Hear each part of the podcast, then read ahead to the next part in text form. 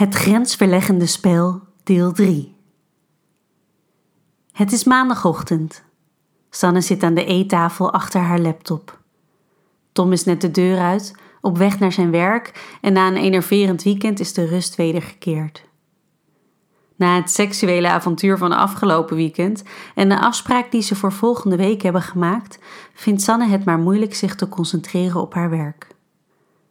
De gedachte aan Pim blijft maar door haar hoofd spelen. Ze pakt haar telefoon en scrolt door haar WhatsApp-lijst totdat ze bij Pim is. hey, begint ze te typen. Ze probeert onder woorden te brengen wat ze hem wil voorleggen, maar krijgt het niet voor elkaar. Ten slotte besluit ze het maar anders aan te pakken. hey, alles goed? Heb je zin in koffie ergens deze week? Wil wat aan je vragen. Ze drukt op verzenden en legt zenuwachtig haar telefoon met het scherm naar beneden naast zich neer. Maar, eigenlijk zoals ze had verwacht, begint haar telefoon gelijk te trillen.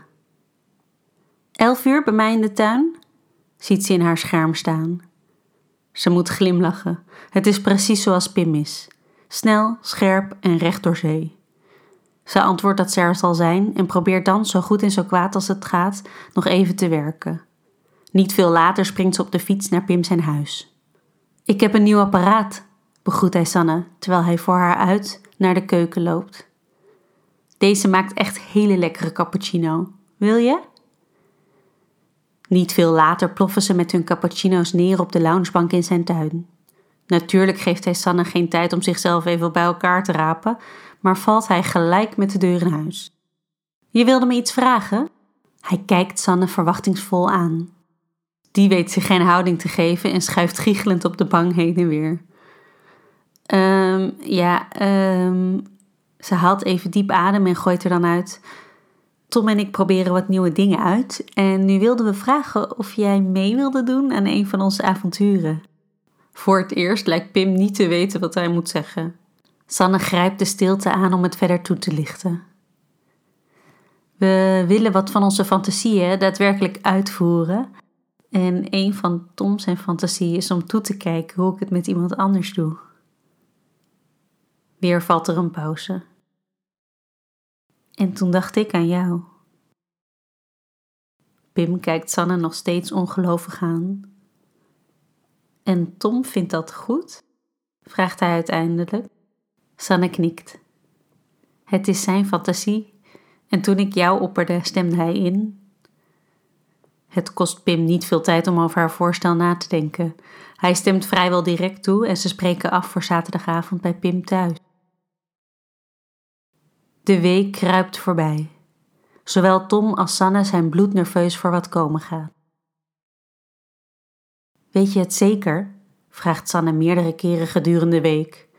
En nog eens als het eindelijk zaterdag is en ze zich klaarmaken om naar Pim te gaan. Ja, ik weet het zeker, verzucht Tom op een luchtige toon, maar de spanning is van zijn gezicht af te lezen. Om het niet al te ongemakkelijk te maken, doet Sanne niet heel veel moeite om zich uit te dossen.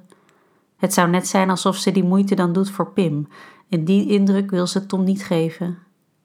Het moet vooral makkelijk uit te trekken zijn, denkt ze bij zichzelf.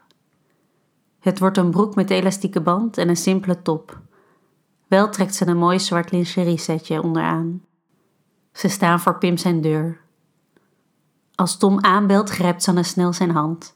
Het voelt vreemd dit te doen, ze hebben bijna nooit elkaars hand vast. Maar ze willen er alles aan doen om Tom op zijn gemak te stellen. Als ze binnen zijn, drukt Pim hen beiden een glas wijn in de hand.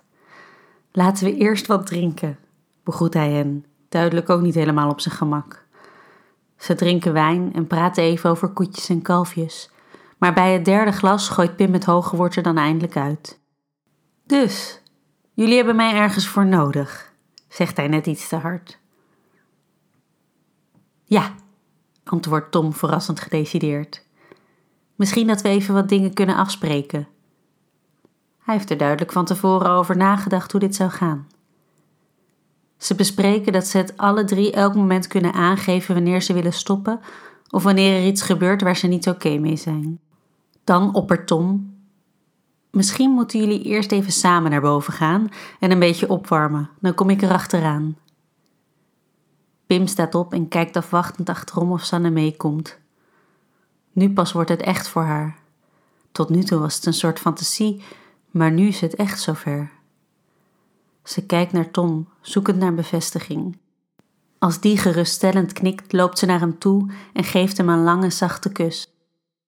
Ik hou van je, fluistert ze.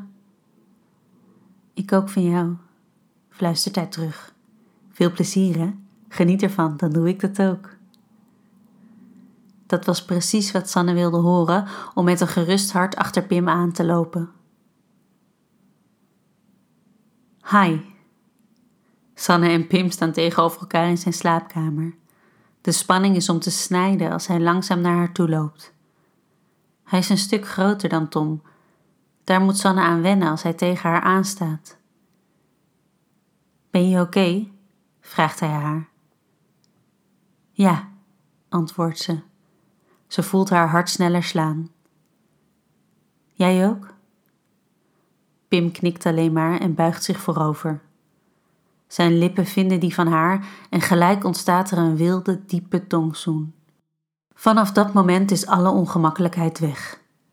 Ze laat zich verdrinken in zijn mond en slaat haar armen om zijn nek. Haar handen graaien in zijn haar, zakken naar beneden en kruipen onder zijn shirt. Hij grijpt dit aan als een reden om deze gelijk over zijn hoofd te trekken. Ook haar shirt moet eraan geloven. Ze houdt haar armen gewillig omhoog, terwijl haar shirt langzaam over haar hoofd trekt. Ze haakt zelf haar BH los en laat deze langs haar armen op de grond glijden. Even bewondert hij haar.